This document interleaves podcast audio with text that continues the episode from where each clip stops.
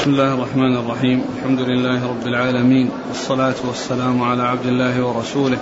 نبينا محمد وعلى آله وصحبه أجمعين. أما بعد. فيقول الإمام الحافظ عبد الغني المقدسي رحمه الله تعالى في كتابه العمدة في الأحكام في كتاب الزكاة الحديث السادس عن أبي هريرة رضي الله عنه أنه قال بعث رسول الله صلى الله عليه وسلم عمر رضي الله عنه على الصدقة فقيل منع ابن جميل وخالد بن الوليد والعباس عم رسول الله صلى الله عليه وسلم ورضي الله عنهم فقال رسول الله صلى الله عليه وسلم ما ينقم ابن جميل إلا أن كان فقيرا فأغناه الله وأما خالد فإنكم تظلمون خالدا. وقد احتبس أدراعه وأعتاده في سبيل الله. وأما العباس فهي علي ومثلها. ثم قال رسول الله صلى الله عليه وسلم يا عمر أما شعرت أن عم الرجل صنو أبيه؟ بسم الله الرحمن الرحيم. الحمد لله رب العالمين وصلى الله وسلم وبارك على عبده ورسوله نبينا محمد وعلى آله وأصحابه أجمعين. أما بعد فهذا الحديث عن أبي هريرة رضي الله عنه من الأحاديث التي أوردها الحافظ عبد الغني المقدسي في كتاب الزكاة في كتابه عمدة الأحكام. ويقول أبو هريرة رضي الله عنه بعث رسول الله صلى الله عليه وسلم عمر على الصدقة.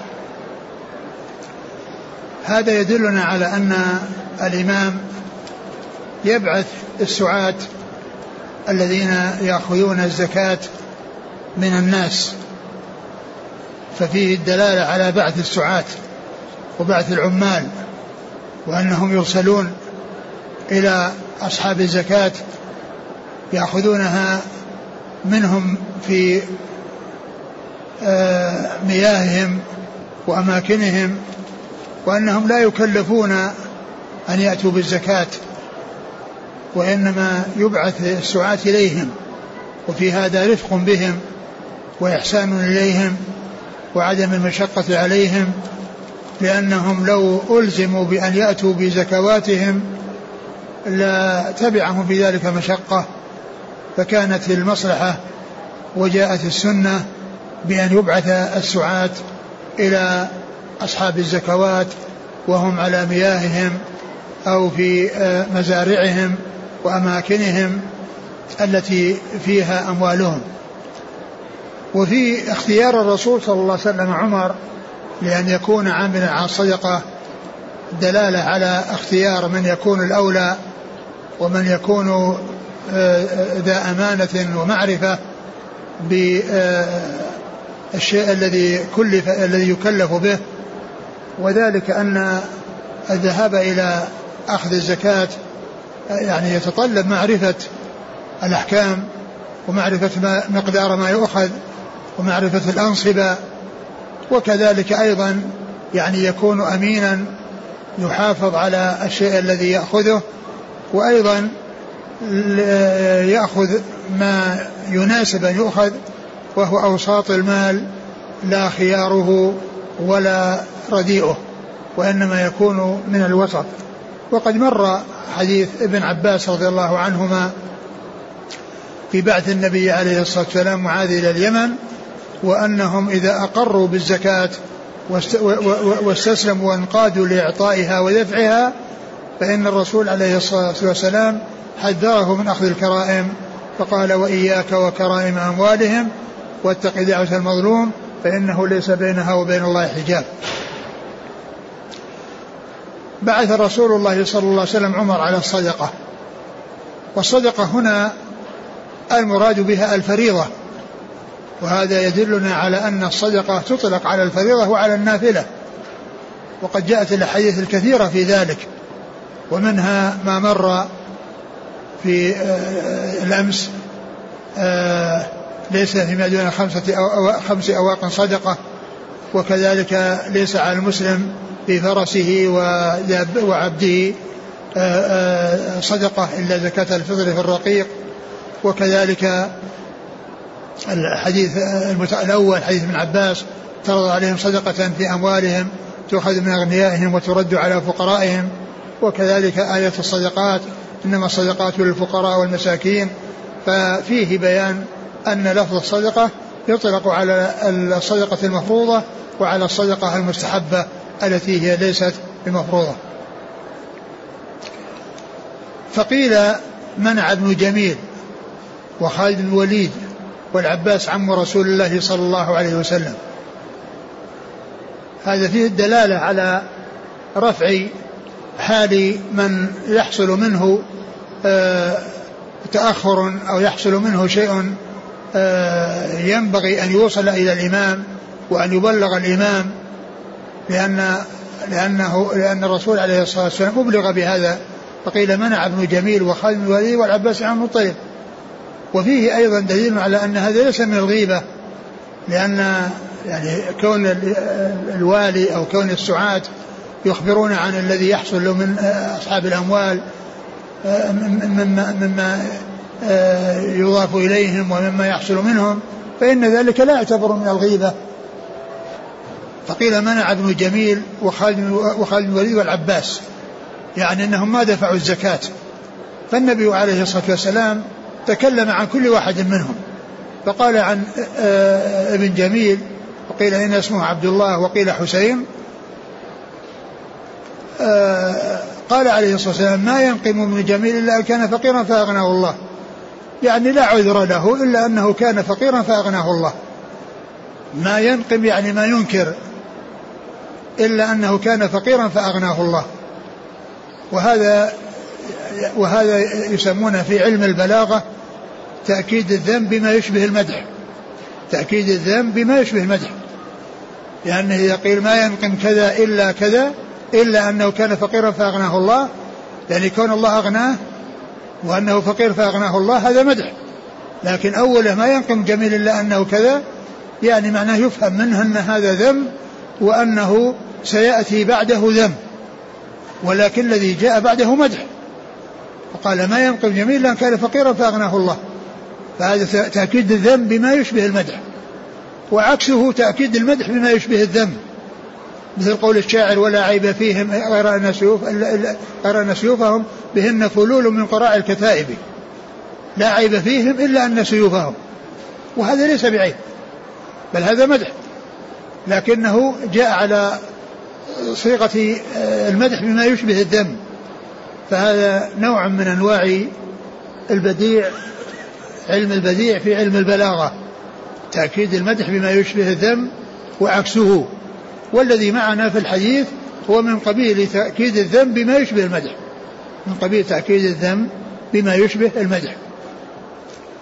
ما ينقب ابن جميل كان فقيرا فأغناه الله. وفيه التذكير بنعمة الله عز وجل على من أنعم الله عليه وأنه يعرف قدر هذه النعمة. وأنه يبادر إلى شكر الله عز وجل عليها بالقول والفعل بالقول بأن يشكر الله ويذكره ويثني عليه وبالفعل بكونه آه، يتصدق وكونه يحسن وكونه يبذل الحق الواجب عليه بارتياح وطمأنينة ومبادرة وإسراع وعدم تأخر وعدم تريث. ما ينقم ابن جميل إلا أن كان فقيرا فأغناه الله. وأما خالد فإنكم تظلمون خالدا وقد احتبس أدراعه وأعتاده في سبيل الله. قيل في معنى هذا أن أن هذا يتعلق بزكاة العروض وأن وأن هذه الأشياء التي آه، آه، طولب بزكاتها أنه لا زكاة فيها لأنه إنما أوقفها في سبيل الله. والشيء الموقوف لا يزكى لأنه في وجوه البر وفي وجوه الخير. وقيل يعني في معنى ذلك أن أنه يستبعد ويستغرب يعني من من خالد أن أن يتأخر عن منع الزكاة مع أنه آه، أقدم وأسرع إلى توقيف وإلى حبس آه، هذه هذا العتاد الذي يتعلق بالجهاد حبسه في سبيل الله يعني وقفه في سبيل الله.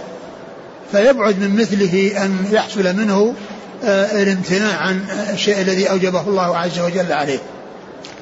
وسبيل الله يطلق إطلاقين يطلق إطلاقا خاصا وهو المراد به الجهاد في سبيل الله. ويطلق إطلاقا عاما ويراد به وجوه البر وأعمال الخير لأنها كلها في سبيل الله وفي سبيل طاعة الله عز وجل والانقياد له والبذل والأعمال الصالحة من أجله سبحانه وتعالى. فسبيل الله يطلق إطلاقين إطلاقا عاما. كل وجوه الخير وأعمال الخير هي في سبيل الله. ويطلق إطلاقا خاصا وهو الجهاد في سبيل الله. ومن ذلك ما جاء في آية الصدقات من ذكر سبيل الله فإن المقصود به الجهاد في سبيل الله. لأنه ذكر مع أمور سبعة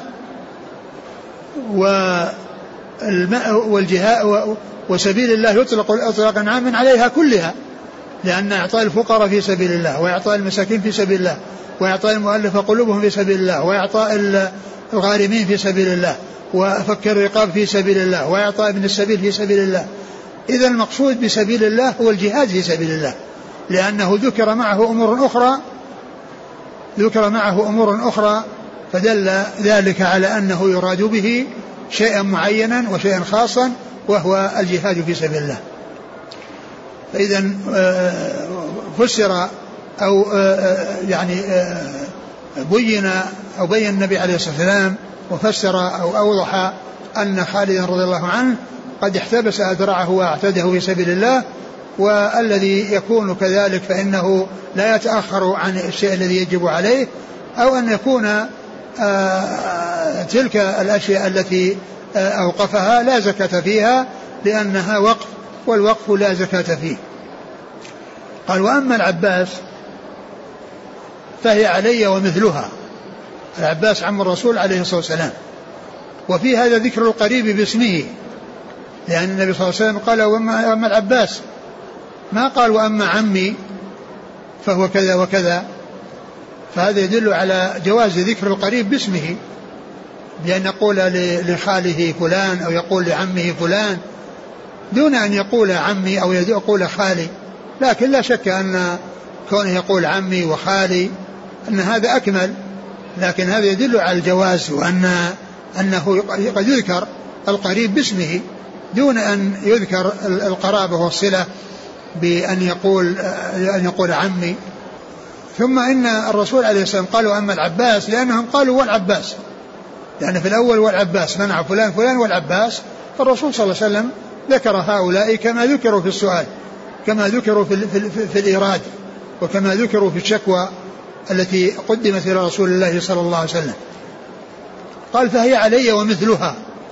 فسر ذلك بأنه قدم صدقته وقدم زكاته وأنه عجلها ومعنى ذلك أنهم ما يدرون عن هذا الشيء فظنوا أنه منع وهو لم يمنع لأنه سبقا قدم زكاته للحاجة إليها. ومن المعلوم أن الزكاة عند الحاجة إليها يجوز تقديمها يجوز تقديمها عن وقتها. وفسر بأن الرسول عليه الصلاة والسلام آه، آه، تحملها عنه وأنه آه، رفق به وأنه قال فهي علي ومثلها أي هي علي ومثلها معها. و ثم قال عليه الصلاة والسلام مبينا عظيم شأن العم وعظيم منزلته. ثم قال يا عمر أما شعرت أن عم الرجل صنو أبيه أما شعرت أي ما أما علمت أن عم الرجل صنو أبيه صنوه يعني مثله يعني في أنه يحتاج إلى تقديره وتعظيمه والإحسان إليه وأن لا يساء إليه لأن لأنه صنو أبيه يعني مثله. وأصل الصنو النخل الذي يكون أصلها واحد. لأن النخل يكون عدد من النخل ثنتين أو ثلاثة أو أربع في أصل واحد. كلها تتفرع من أصل واحد وهذه صنوان.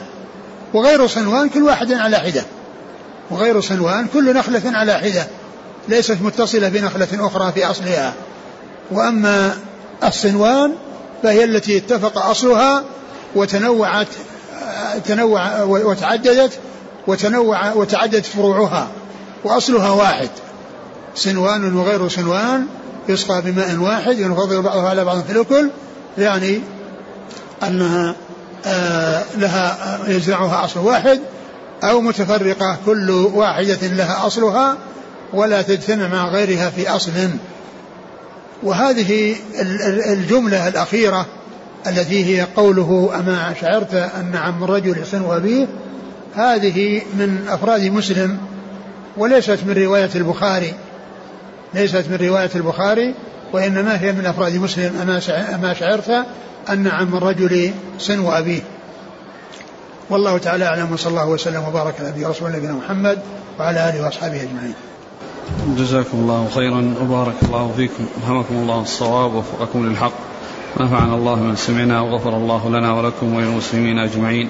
سبحانك اللهم وبحمدك أشهد أن لا إله إلا أنت أستغفرك وأتوب إليك.